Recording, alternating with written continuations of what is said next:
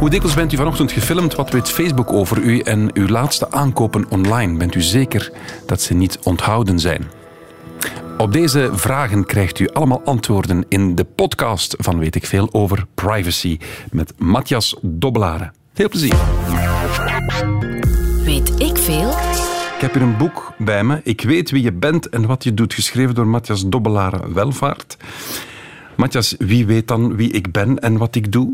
Wel, helaas veel te veel mensen, veel te veel bedrijven, overheden. Ik misschien ook, hè, want wij kennen elkaar nog van vroeger. Ja, je hebt je debuut gedaan bij Volt in de tijd. Tien jaar. We hebben daar een geluidsfragment. Nee, nee. Oh, doet het mij alsjeblieft niet aan. Hè. Dat was, uh, een, maar goed, het was wel leuk om te doen. Maar inderdaad, te veel mensen weten wie jij bent, wat je doet, waar je bent.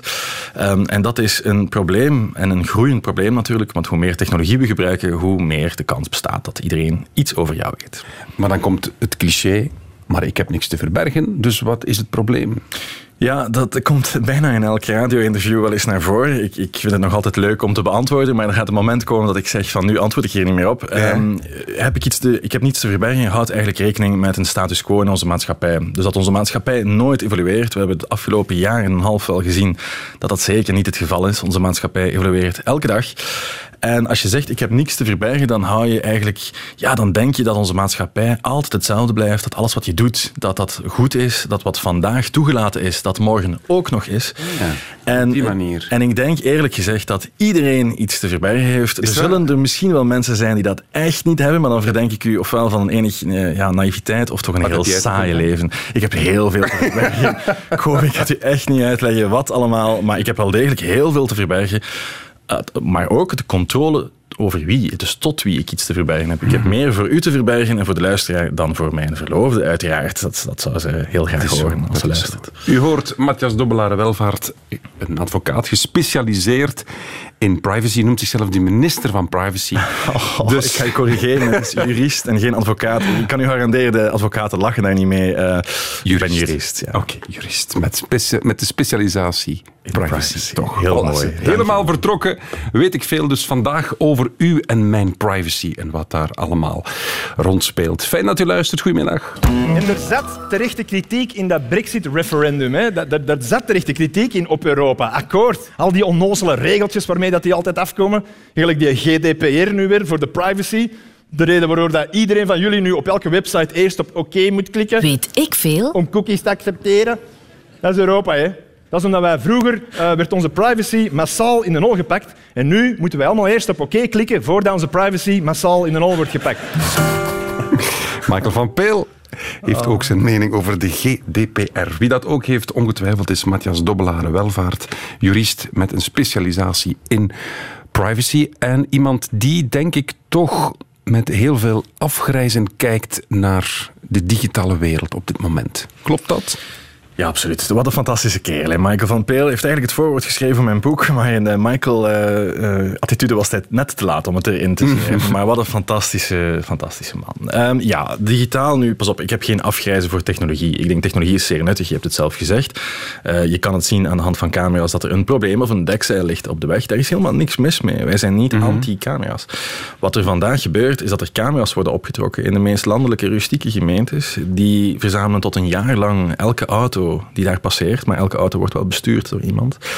Uh, en die mensen zijn onschuldig. Ik ga ervan uit dat de meeste Radio 1-luisteraars onschuldige, brave mensen zijn. En wij worden eigenlijk toch geclassificeerd als potentiële criminelen.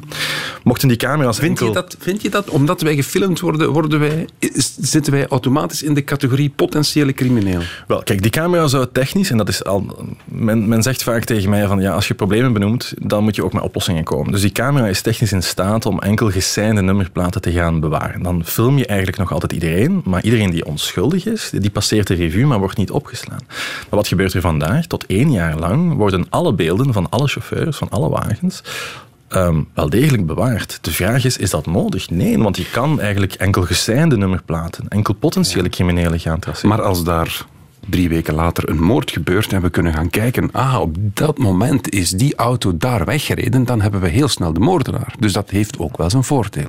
Het zou heel jammer zijn. Een ANPR-camera kost rond de 50.000 euro. Dus in mijn gemeente zijn er vier gezet. Dat kost 200.000 euro. Um, het zou heel jammer zijn mochten die camera's geen enkel voordeel hebben. Dan, dan zou het echt wel heel verdacht uh, zijn. Als je kijkt, dat, dit is heel... Maar, maar antwoord is op die moordenaar. Ja, ik ga eh, antwoorden. opmerking. Ik, ik ga zeker antwoorden. Eh, je hebt bijvoorbeeld Julie van Espen. Hè, dat is een, een, een zaak die altijd naar boven komt in deze discussie, of toch eh, gelieerd eraan. Die moordenaar is gepakt door een private bewakingscamera. Dus een camera die hing aan een bedrijf die een parkeerterrein filmde. Dat mag. De politie heeft die beelden opgevraagd naar aanleiding van die moord en heeft uiteindelijk die dader wel degelijk kunnen identificeren. Nu, die moordenaar was een heel domme man. Die, die was niet gemaskerd, die had het ook anders kunnen doen.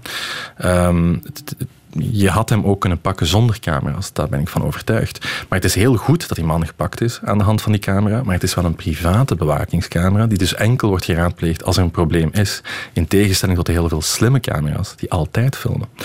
Wat zeggen de vriendinnen? En dat begrijp ik 100%, want ik heb altijd heel veel respect voor de nabestaanden en voor vrienden, vrienden of vriendinnen.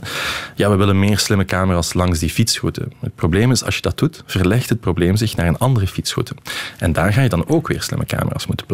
Dat verlegt het probleem opnieuw. En, En dan zo kom je, je bezig. Absoluut. Dan kom je in een maatschappij waar langs elke straathoek een camera staat. En dan moet je toch de vraag stellen: hoeveel onveiligheid willen we aanvaarden voor individuele privacy te hebben ten opzichte van de overheid?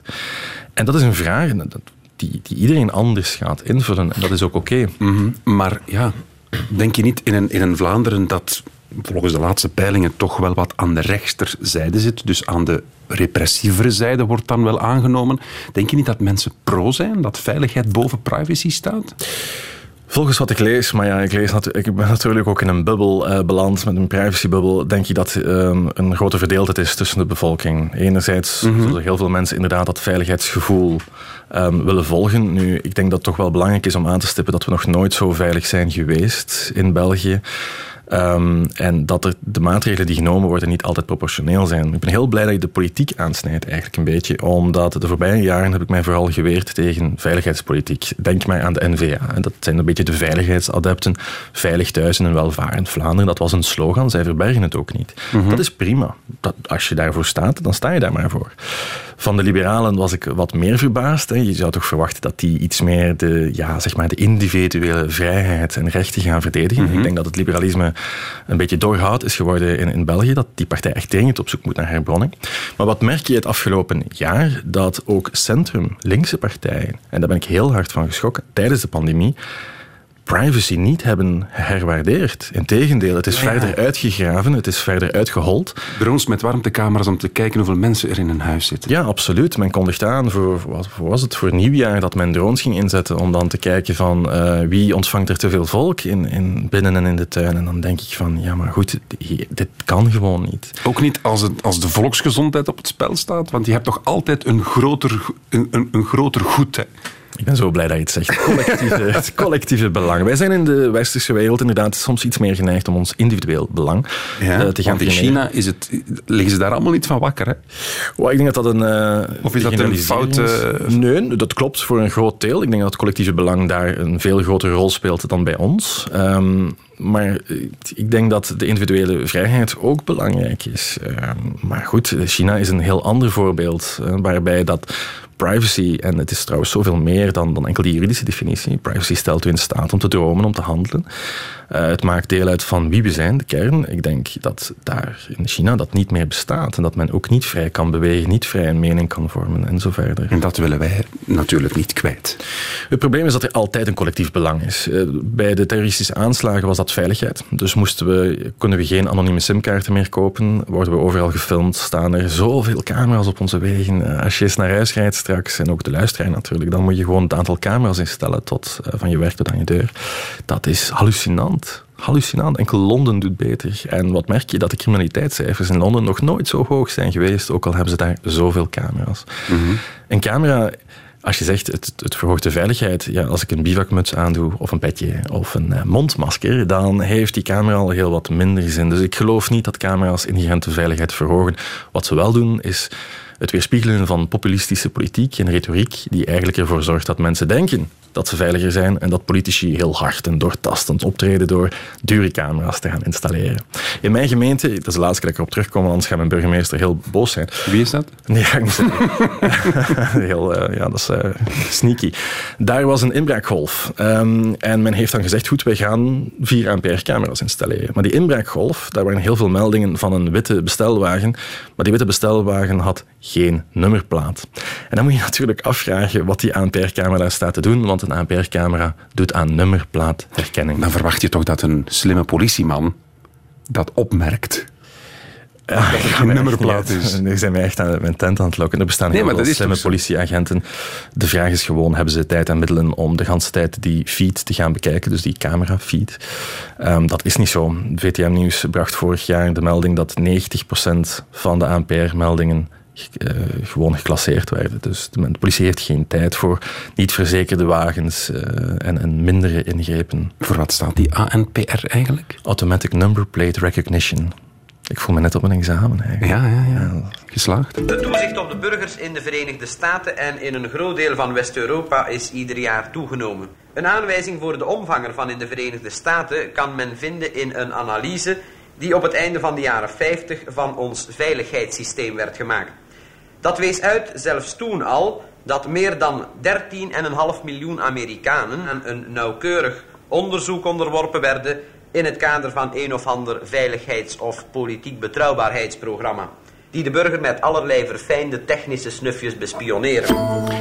Hoort het, het is van alle tijden bespioneerd worden. Big Brother was 1984, je kent het allemaal wel. Matthias Dobbelare, welvaartjurist en privacy-expert, zit bij ons en weet ik veel. Want het gaat vandaag over privacy. En laten we eens beginnen bij het begin.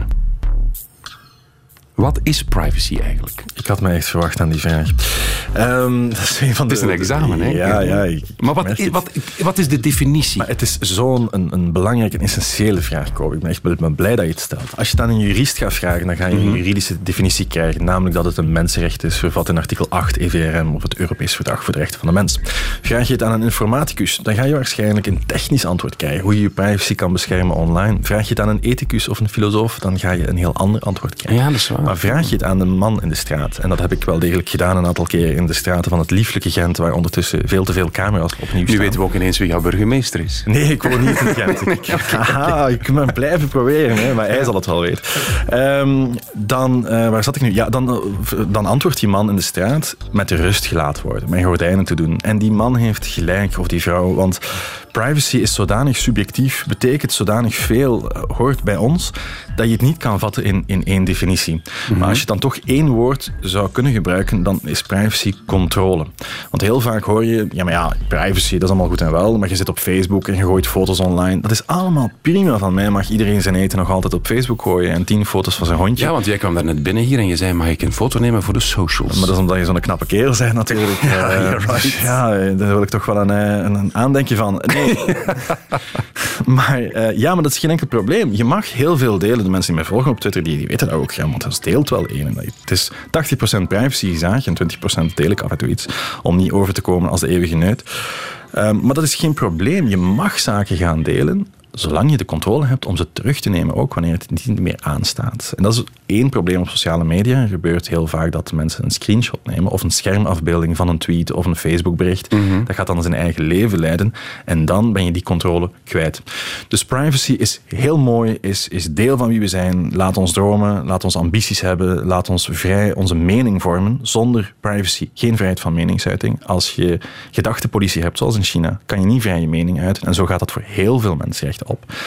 Maar belangrijker is dat het gewoon deel is van ons en dat je ten alle tijde controle zou moeten kunnen uitoefenen over jouw data. En dat is een illusie, zowel bij de overheid als bij private bedrijven. Dus eigenlijk sta je het roepen in de woestijn.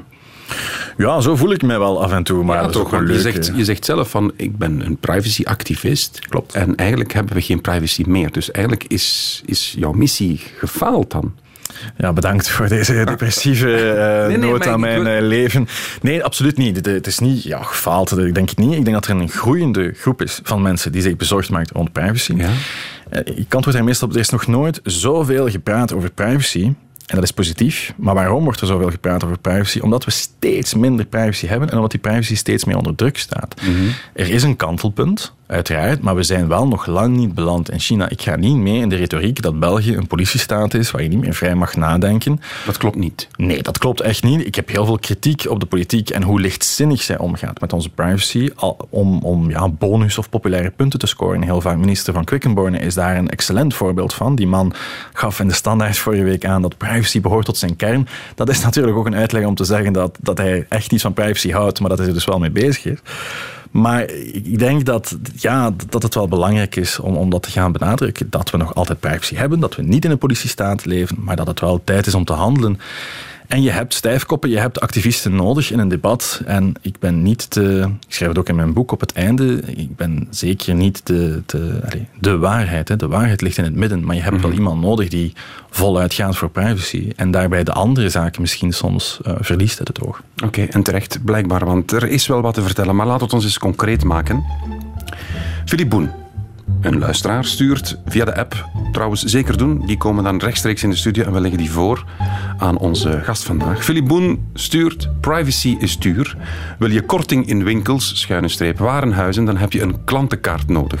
Doe je daar niet aan mee, dan betaal je de volle pot. Heeft hij een punt? Ik vind een fantastisch punt. Ik ben blij dat het aan, aan bod komt. Privacy wordt meer en meer iets voor de gegoeden en voor de rijken. Dat was trouwens doorheen de historiek altijd zo. Dat was in de middeleeuwen zo. Je koopt privacy. Ja, dat was altijd zo.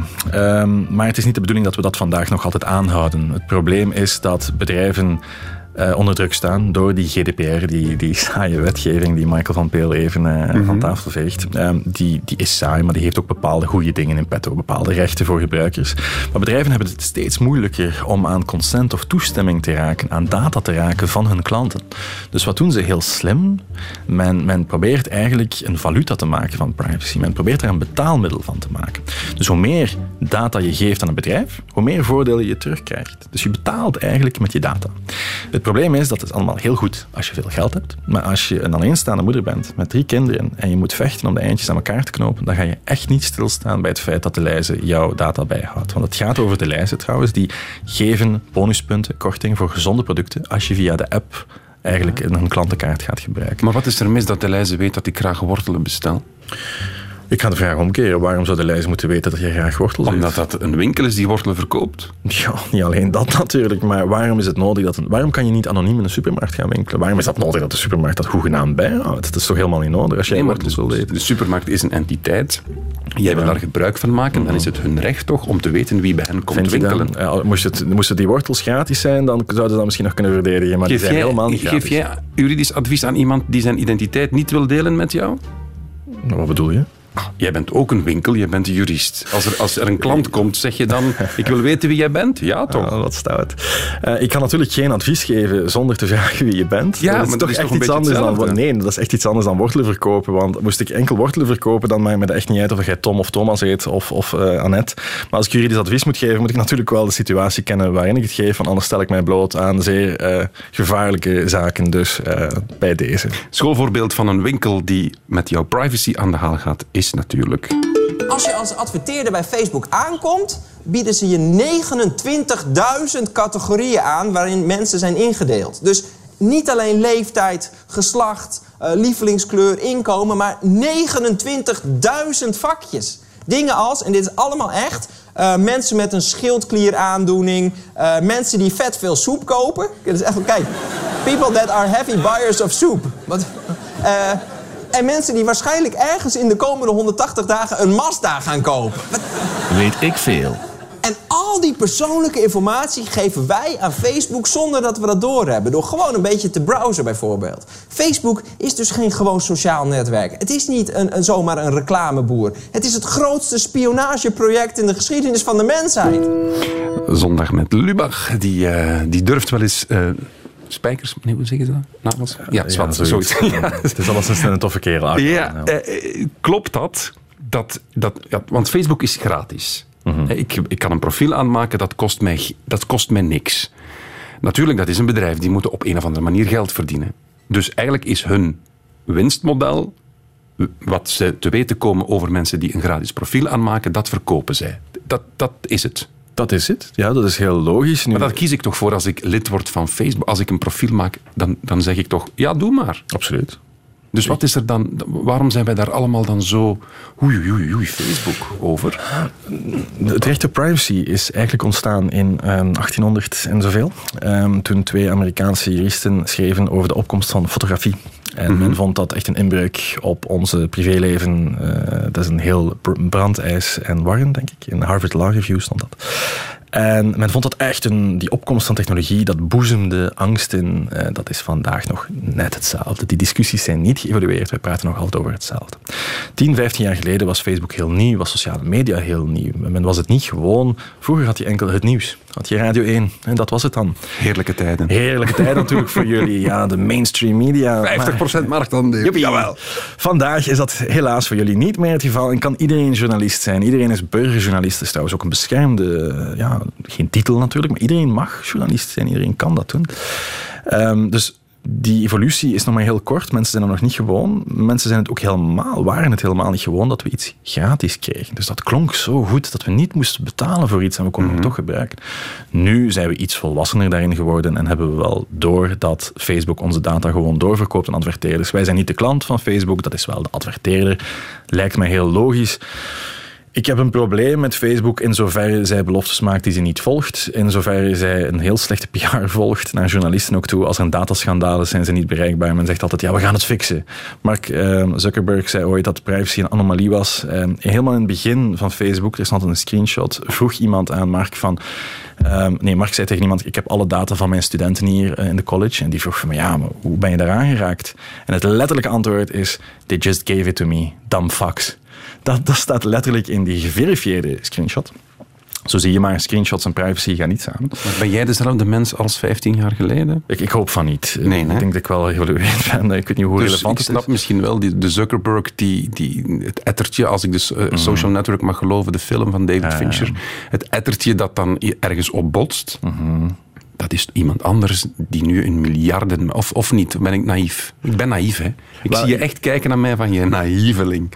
Nee, ik ben aan het lachen omdat ik mij het filmpje herinner ehm, voor Independence Day, twee weken geleden of een week geleden, met Zuckerberg. Die was aan het waterboarden. eh, Met de, met de Amerikaanse de vlag. Amerikaanse vlag, dat was echt het meest awkward ooit eigenlijk. Welke PR dat dat bedacht heeft bij Facebook, die, die moet een medaille krijgen voor onzin. Maar ik denk niet dat die man zo hard veranderd is. Maar goed, hij heeft een businessmodel, daar moeten we ook realistisch in zijn. Hij vraagt inderdaad geen geld. Het alternatief trouwens, waar ze al jaren mee spelen, is om toch een betalend premium Facebook profiel te maken. Zoals bij Spotify. Ik heb een premium profiel. Dat klinkt chiquer dan het is. Het is 9 euro per maand. En dat zorgt ervoor dat er geen advertenties zijn. Facebook zou dat ook kunnen aanbieden. Maar ik denk dat ze ondertussen al lang de berekening hebben gemaakt dat een marginaal percentage Ja. dat ooit gaat kopen. En dat zelfs diegenen die het kopen minder waard zullen zijn dan als je gewoon de data afgeeft. Ehm, maar goed, het is een evolutie die je overal krijgt. Ofwel betaal je voor een dienst en dan heb je iets meer privacy, ofwel betaal je er niet voor en dan weet je, mijn data wordt doorverkocht aan adverteerders. En ik weet dat heel veel mensen nu zitten luisteren ehm, die denken van, maar mijn leven is niet zo interessant eigenlijk. En dat is ook vaak zo. Maar dat wil niet zeggen dat eh, data, nu heb ik iedereen beledigd, iedereen gaat nu naar Radio 2 of zo. Eh, maar dat betekent niet dat jouw data niks waard is. Hè. Dat is het is niet zoveel waard als je denkt. Ik denk dat de gemiddelde dataset iets van een 20 à 30 euro waard is, verspreid over een jaar. Wacht, wat bedoel je met een dataset? Wat is dat? Een dataset is alles wat men over jou kan verzamelen. Dus Facebook weet veel meer dan het feit dat je vier keer per week pasta eet en dat je eigenlijk naar de fitness zou moeten. Zij weten alles. Zij weten welke websites je bezoekt, op welke links je klikt. Eh, Ja, is en dat is 20 euro waard. Ja, voor, voor ongeveer. Ja, dus te zien hoeveel, hoe lang dat je op Facebook zit. Maar het is geen duizenden euro's waard. Mhm. Dat is zeker niet. Hoogstens een paar honderd euro. En ik vind het trouwens wel handig als ik een vliegticket zoek voor Cyprus, dat ik nadien op Facebook ga en dat ik wat suggesties krijg voor hotels. Ik vind dat eigenlijk wel gemakkelijk. Ja, maar dat is, kijk, maar daar, dat, is, dat is goed, dat is prima. En dat, daar komen we terug naar de kern. Als jij dat wil en als jij dat leuk vindt, dan moet jij daarvoor kunnen kiezen. Maar het probleem is dat de mensen die het niet leuk vinden, ja. daar ook mee worden geconfronteerd. Ik vind dat niet zo leuk. Je kan dat eh, vermijden door een VPN te gebruiken. Een soort tunnel die men eigenlijk aanlegt tussen jou en eh, internet. Of anoniemer proberen surfen. Er zijn heel veel technische mogelijkheden om dat te doen. Het probleem is, dat is voor de technische elite weggelegd heel vaak. Soms is het moeilijk om je daar als gewone gebruiker wegwijs in te maken. Mhm. En soms loopt het natuurlijk ook wel een lichtjes mis. Het Britse bedrijf Cambridge Analytica kon via Facebook de persoonlijke gegevens van 50 miljoen Amerikanen verzamelen en doorverkopen aan adverteerders en aan politieke partijen, ook aan de Trump-campagne. Facebook zou de gegevens niet voldoende beveiligd hebben en krijgt daar nu bakken kritiek voor. Eh, Mag ik een, een populistische vraag stellen? Zou Trump nooit verkozen zijn en zou de Brexit nooit een feit zijn als Facebook iets meer op de privacy had gelet? nadat ik uh, de ganse Belgische politiek door de mangel heb gehaald, kan Trump er natuurlijk nog wel bij. Um, ik, ik, daar durf ik geen uitspraak over doen. Ik ken de Amerikaanse politiek onvoldoende. Ik denk wel dat Facebook ondertussen zeer hard erkent dat haar platform een grote rol heeft gespeeld in populisme. Um, ik denk, maar aan de andere kant zie je natuurlijk ook dat Trump niet herverkozen is, terwijl dezelfde methodiek en middelen wel werden gebruikt mm -hmm. op sociale media. Het gaat trouwens niet enkel over Facebook. We praten altijd over Facebook. Google weet minstens evenveel over. Ja. Twitter, LinkedIn, er zijn nog veel andere platformen, TikTok enzovoort.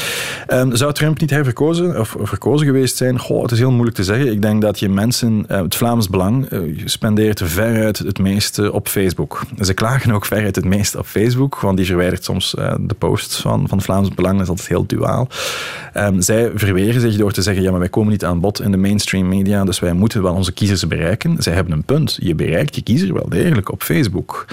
Um, er zijn heel listige trucjes die ze gebruiken om toch die pagina leuk te vinden. Um, maar ze bereiken die kiezer omdat Facebook dus algoritmen heeft waarin ze de, de juiste informatie van het belang in dit geval bij de, kiezer, de potentiële kiezer krijgen. Want het gaat over privacy, het gaat niet over Facebook, deze aflevering. Mm -hmm. Dus Facebook berekent of, of biedt aan het Vlaams Belang een, een soort klandizie aan waarvan zij weten op basis van posts en foto's en interesses, dat is voor u interessant.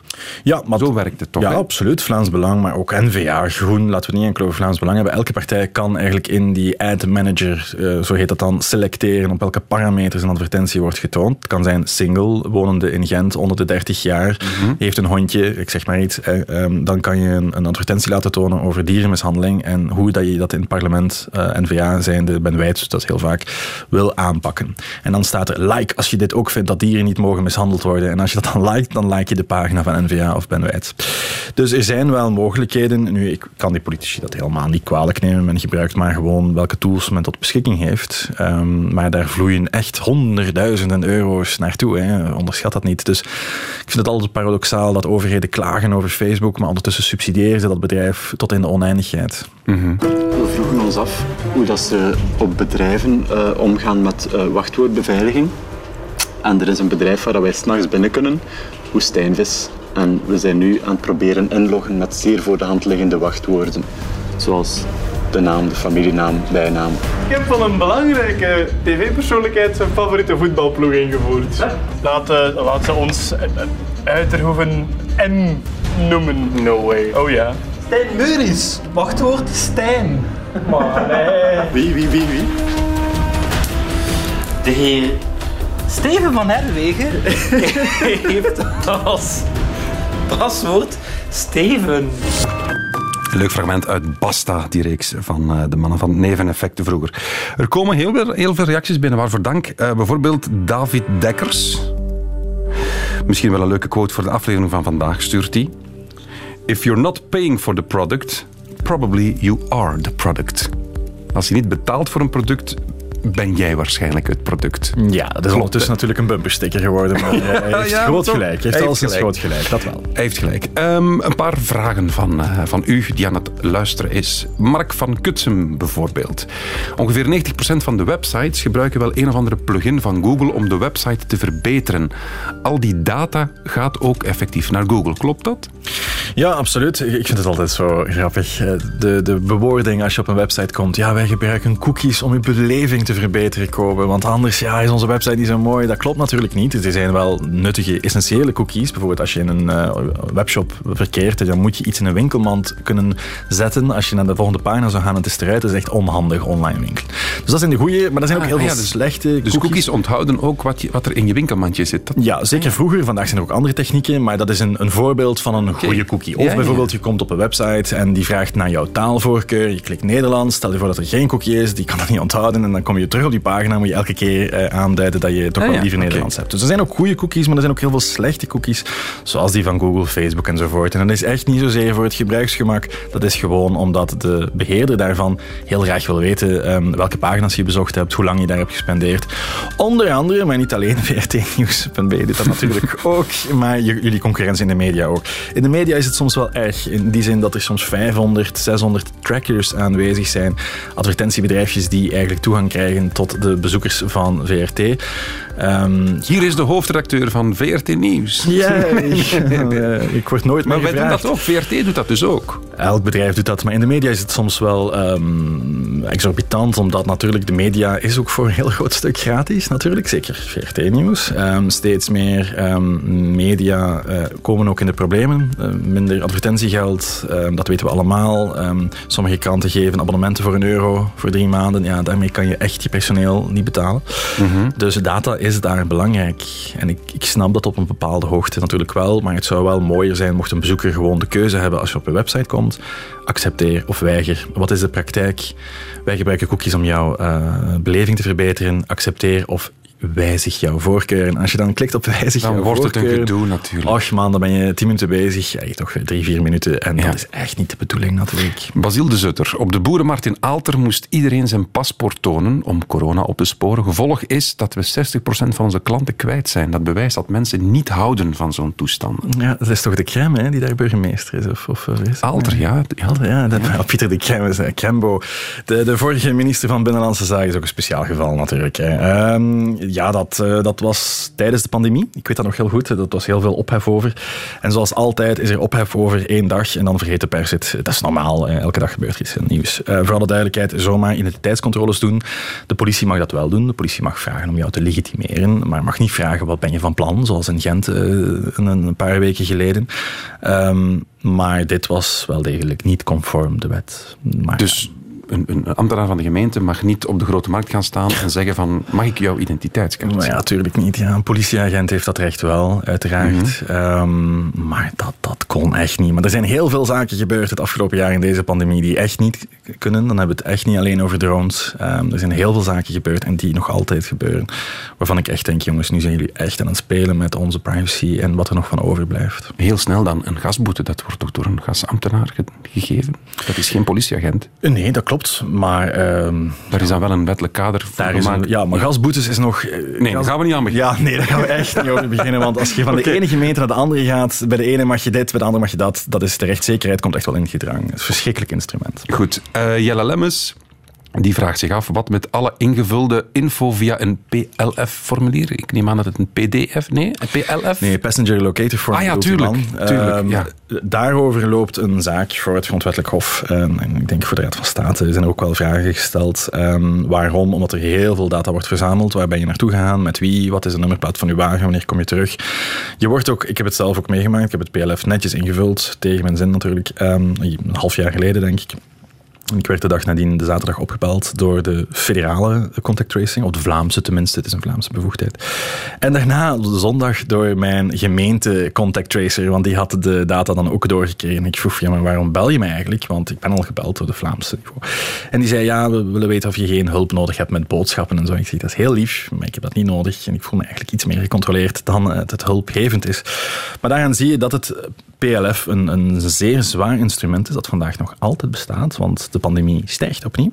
naar het schijnt. Eh, ik ben geen viroloog, dus daar ga ik zeker niet over praten. Maar eh, het PLF is een instrument dat hopelijk zo snel mogelijk verdwijnt, want dit is gewoon platte surveillance natuurlijk. Het heeft een nut, zoals elk surveillance een nut heeft, maar laten we toch vooral niet langer aanhouden dan nodig. En dat is altijd de vrees bij elke maatregel die de overheid neemt. De overheid is heel goed in het bekendmaken van tijdelijke maatregelen die opeens heel snel permanent worden. Dat is zoals de pintjes die duurder geworden zijn door de terrastax, maar die gaan niet meer goedkoper worden. Hè? En nee, helaas Nee, voor dat gaat ons. eh, ik wil niet zeggen dat je een alcoholprobleem hebt. Maar, eh, nee, maar dat is toch zo. Verworven rechten en zo. Ja, dat is het. Eh, nog eentje, Bart Wijnand of Wienand. Wij geven regelmatig geld aan goede doelen. We merken echter de laatste maanden dat we regelmatig bedelbrieven krijgen van organisaties die we niet kennen en nooit aangeschreven hebben. Bij navraag blijkt dat zij onze gegevens huren bij een firma, bijvoorbeeld DSC. Mag dat? Of is het zo dat ze onze gegevens eigenlijk niet mogen doorverkopen en dat ze dus verhuren. Ik, ik vind wel dat je luisterpubliek, ofwel pikt je er natuurlijk wel de, de, de cream uit, eh, maar ik vind het wel dat het heel interessante vragen zijn. heel absoluut. rake vragen. Dat is Radio 1. hè. Dat is hier Radio 1, ik Ja. was dat vergeten. Hè. Ja, maar niet, eh, ja, ik snap het. Ehm, die, die man heeft gelijk. Dus ehm, de eerste tip die je kan geven is, maak in, in, als je bijvoorbeeld een Gmail-adres hebt, liefst niet, een Proton-mail zou beter zijn, maar laten we maar normaal doen. Dan kan je bijvoorbeeld matthias.gmail.com, je kan Matthias plus het goede doel, at gmail.com gebruiken. Dan kun je onmiddellijk zien, als je een e-mail krijgt op dat adres, wie die data heeft ik ben, verkocht. ik ben niet mee. Ja, het is ingewikkeld. Hè? Dus stel nu dat je inschrijft voor een nieuwsbrief op een bepaalde organisatie. De meeste mensen doen dat dus met een gewoon e-mailadres. matthiasdobbelaar.gmail.com hè, bijvoorbeeld. Maar je zou ook kunnen zeggen, je kan daar net voor at gmail een plusje aan toevoegen. Ik zeg maar VRT. Eh, Ik schrijf me in bij jullie nieuwsbrief. Krijg ik opeens een nieuwsbrief van de lijzen op Matthias Dobbelaar plus vrt.gmail.com, dan weet ik dat jullie de snoodaard zijn die mijn e-mailadres hebben doorverkocht aan die supermarkt. En dan ga ik jullie met alle mogelijke juridische middelen. ik ga echt nooit meer uitgenodigd worden, vrees ik. Maar in ieder geval, dat is een tip. Maar Kan een plusje toevoegen aan je naam? ja, en dan komt dat nog altijd heel goed toe. Je moet het maar eens maar proberen. En dat is zo'n tip. Ehm, maar terug naar de essentie van die vraag. Eh, het is een heel groot probleem. Niet alleen bij goede, deal- goede doelen, maar ook bij commerciële bedrijven. Eh, data wordt onderling. Het is heel moeilijk om achter te komen hoe dat is gebeurd. Die man heeft waarschijnlijk een dataverzoek gericht. Dat kan je doen in de GDPR. Ik ga niet over de GDPR praten, maar dat is het enige wat ik wel ga doen. Bij de GDPR zit er een recht, namelijk een data request. Je kan aan elk bedrijf, aan elke overheidsorganisatie vragen: Hey, Kobe van Radio 1, vertel me eens alles wat je hebt over mij. En dan moet dat bedrijf binnen de 13 dagen antwoorden met een volledige dataset wat ze over jou hebben. Daarna kan je zeggen, dat is het tweede, nu heb ik toch gelogen, Verwijderen. verwijder mij. The right to be forgotten, zoals het zo mooi heet. Je kan echt gaan vragen, vergeet mij. Dat- Ook aan Google? Ik, want ik ben, bijvoorbeeld, ik ben een publiek figuur. Ja, dat is Google mij en je krijgt daar mijn heel liefdesleven van tot 20 jaar geleden zien. Maar ja, daar, daar kom je natuurlijk ook wel... Je bent er ook wel trots op, hè, nee, dat is niet waar. Dat is, dat, is, Nee, dat is absoluut niet waar. Maar maar ik, ik kan, ik, naar, kan ik naar Google sturen van verwijder dat allemaal? Ja, absoluut. Google heeft dat Ook als geautomatiseerd. publiek Eh, als publiek figuur ligt het gevoeliger. Nu, de meeste luisteraars zijn dat niet, dus ik ga ervan uit dat ik niet alleen naar u aan het praten ben, we kunnen na de show nog wel praten. De meeste zijn geen publieke figuren en kunnen dat automatiseren via Google, google.com slash privacy. En dan ga je een ehm, keuzemenu krijgen waarbij dat je je data kan verwijderen. Klinkt sexy, is het niet altijd. Dat, ehm, Google heeft wel nog zo een trucjes van de voor, bijvoorbeeld die houdt er nog drie maanden bij of zo. eh, maar je kan het wel een stukje doen. Als publiek figuur of politicus ligt dat een heel pak moeilijker, omdat publieke figuren nu eenmaal minder privacy hebben. Dat wil Ik heb daar niet voor. Ik heb daar ergens een handtekening voor gezet. Hè. Nee, ik Maar weet door het. mijn jobkeuze ben ik dat. Klopt, ja. Dus een politicus, een zanger, iedereen die door zijn hobby of door een of wat, of door iets te doen, een, een bepaalde bekendheid verwerft, verliest eigenlijk privacy. Ja, dit wordt natuurlijk een stukje een psychologisch gesprek. Nee, we zullen- we wil straks gerust coachen. Nee, nee, maar je, je, hebt, je hebt groot gelijk. En in die zin, ehm, het is niet... Iedereen wordt wel eens bekend op een bepaald moment. Absoluut, eh, de five minutes of fame. Maar ehm, ik denk, je hebt nog altijd privacy, Kopen. Je hebt zeker geen niets van privacy meer. Dat, dat klopt niet. Je hebt gewoon iets minder privacy. Betekent dat als je zit te tafelen met je verloofde eh, in een restaurant, dat iemand stiekem een foto van jou mag nemen en gaan publiceren? Helemaal niet. Het betekent wel dat mocht je een eh, keuken kopen met Radio 1 geld, dat dat al eens rapper in het nieuws zal komen dan, ehm, ja, eh, zeg maar, Jennifer uit eh, Melle. Het was echt wel voorbij mij thuis trouwens. Ja, oké. Sophie Allegaard. Interessante. En een beetje creepy. Vandaar de muziek. Twee jaar geleden hond gekocht. Niks gepost op social media. Wel foto's genomen. Meteen een feed vol hondenreclame. Heel creepy. Ik, ik, een foto genomen, wat bedoelt ze ermee? Niet Met online haar, gezet. waarschijnlijk met haar smartphone een foto genomen van die puppy dan. kan het zijn dat Apple, Google, Samsung en Huawei, Dat, die, dat, die, dat die zien waarvan je foto's maakt en dat dan ook gebruiken? Of zijn we nu echt wel, echt wel heel, heel, heel ehm, achterdochtig? Nee hoor, de muziek is eh, heel passend. Huawei doet het zeker. En dat is een Chinees bedrijf, is niet te vertrouwen. Nee, is niet waar. Ehm, ik denk dat dit is de nummer twee populaire vraag. Luistert Facebook, luistert mijn telefoon mij af in mijn broek? Ja, maar, maar gaan ze die foto's interpreteren? Dat, Wacht, dat is niet... kom erop. Dus eh, de VRT trouwens heeft experimentjes gedaan daarmee in een naakte clean room. Mhm. Tim Eh, Verheijden, ja, topreeks Ja, trouwens. Tim is natuurlijk de privacyjournalist in, in België. Ehm, dat bleek niet het geval. Makelijke telefoons luisteren jou niet af. Nu, het is wel zo dat als je een Android-telefoon gebruikt, een Google-telefoon, dat die al data begint bij te houden over jou, ook al heb je hem zelfs nog niet aangezet. Dat is heel vreemd bestaan, eh, eh, mooie documentatie eh, over. Google houdt ook bij die Android-telefoon of je aan het wandelen bent, joggen, aan het lopen enzovoort. Apple is iets privacyvriendelijk. Men probeert daar, omdat men heel dure toestellen kan verkopen, dat is iets anders dan Android. Android is een besturingssysteem, is gratis van Google, wordt geplaatst op Samsung-telefoons enzovoort. Apple is een apart bedrijf met een iPhone en een iOS. Zij zeggen privacy is onze USP, onze unique selling point. Wij vinden privacy heel belangrijk. Dat is natuurlijk makkelijk om te zeggen als je 1450 euro voor een toestel vraagt. Maar iedereen die nu een iPhone heeft, die kan eigenlijk in zijn fotoalbum eens gaan kijken en je kan daar gaan zoeken. En je kan intikken auto. En je krijgt alle foto's waar een auto op staat. Meen je dat? Absoluut. Je kan intikken hond. En je krijgt alle foto's waar Dus- een hond in staat. Dus, dus de- mijn iPhone herkent Absoluut. dingen. Je bent het aan het doen, hè? samen volgen, maar er staat hier een camera voor mij en ik, ik zou... hond. Maar ja, dat je, je, meent dat niet. Ja, dat is zoek. echt waar. hond. En dan, ik, heb, ik heb een hond, ik heb een heel leuke hond. Maar hij is al oud en nukkig geworden. Dat is ongelooflijk. Een leuke hond. Dat, dat gaat, ja. Dus dat wordt wel degelijk geïnterpreteerd door AI, zoals dat heet, Artificial Intelligence. Maar om terug te komen naar de vraag... En die foto's, sorry dat je onderbreekt, die foto's zitten in de iCloud. Ja. Dus die staan op een server in Amerika, bij wijze van spreken, bij Apple. Ja. Dus als die daar diezelfde zoekfunctie opdoen, weten die perfect wie allemaal een hond heeft. Klopt. Normaal gezien zouden die servers voor Europese gebruikers in de EU moeten staan, want er is heel veel problemen, technische problemen met data-uitwisseling naar de VS, ga ik je niet meer lastigvallen. Normaal gezien moet dat in de EU staan, maar absoluut, hè, als je iCloud aanstaat, is dat gelabeld en, en kan dat. Nu om terug te komen, en dat is het antwoord op de vraag, eh, om een heel lange omweg te maken, eh, er is zoiets als, eh, het heeft een heel moeilijke naam en nu weet ik het niet meer, cognitieve en nog iets. Als je een auto hebt gekocht, bijvoorbeeld, een, hebt een auto gekocht, dan zie je opeens op de weg overal jouw auto rijden, jouw nieuwe auto. En je zegt, fuck, wat heb ik nu gedaan? Ik heb een auto gekocht die iedereen heeft. Als je een hond hebt gekocht en je hebt daar een eh, foto online gezet, dan ga je daar veel meer op letten dan als je geen hond hebt. En dat zou een heel mm, rake verklaring kunnen zijn waarom we denken dat onze smartphone ons afluistert. En het laatste wat ik ga zeggen, nee, jouw smartphone luistert jou wellicht niet af, maar de apps die hierop staan, bijvoorbeeld spelletjes-apps, gratis-apps, die durven al eens de microfoon aanzetten terwijl ze die niet nodig hebben. Dus de houd een tip, ruim je telefoon op, apps die je niet meer gebruikt, gooi ze weg. Oké. Nog een, eh, een heel snelle, want de tijd ontbreekt ons, jammer genoeg. Ehm, stel me stel me ernstige vragen over de vernietiging van de contactgegevens die we op café moesten invullen een paar maanden geleden. In sommige cafés lag gewoon een boek waar je alle info van de gasten voor je kon lezen of fotograferen. Klopt, hè? Je moest dan je naam en, en telefoonnummer opschrijven. Neem daar een foto van en je wist perfect wie er zat. Inclusief telefoonnummer. Het grappige is, eh, de Ministry of Privacy, waar ik eh, werk, dat is een stichting die heeft dat gemaakt voor Horeca Vlaanderen, het officiële formulier. Dat was 1 A4 groot, met heel veel juridische tekst erop. De meeste horecazaken zeggen, fuck, dat is veel te lang, ik ga geen A4-pagina afprinten. Dan kreeg je van die strookjes die echt niets Ja. voorstelden. Het was op zich niet zo heel erg. Je gaf je telefoonnummer of je e-mailadres. Dat stond in het KB, of in het eh, ministerieel besluit. Je e-mailadres of een telefoonnummer. Niks meer. Niet je naam, niet je adres.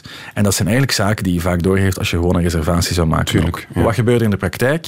Horecazaken dachten, hé, hey, fantastisch, nu hebben we jouw e-mailadres, nu gaan we zo'n database aanleggen, gaan we mailing sturen. Het stond er letterlijk in dat die data nooit of ten meer mocht gebruikt worden voor commerciële doeleinden. Ook trouwens niet om vrouwen te versieren, want er waren herhaaldelijke gevallen van obers die een, eh, ja, een mooie vrouw, een mooie subjectief natuurlijk. Ah ja, hè, ze hadden eh, een, ze hadden een nummer. Ah, tuurlijk. Ja, die, die, die werden lastig gevallen. Het gebeurde waarschijnlijk iets minder bij eh, omgekeerd. Maar goed, dat kan ook. Eh, maar de klachten waren toch meestal van, van vrouwen. En het is, gelukkig is men daar nu eigenlijk mee gestopt. Ehm, maar ja, er zijn altijd perverse. En dat is een zo'n mooi voorbeeld van elke dataverzameling die je doet. Hoe edel, hoe nobel je ook die voorstelt. Er zullen altijd perverse effecten zijn. Zoals met camera's en vingerafdrukken. Weet ik veel. We gaan afronden, jammer genoeg. Want we hebben nog 1 minuut 20 seconden voor eh, het examen. Je hebt daar vragen gekregen. Absoluut. Heb ik goed geluisterd naar Matthias Dobbelaar welvaart over privacy? Shoot. Kobe, we. Hoe lang worden de gefilmde nummerplaten bewaard? Ah, wacht.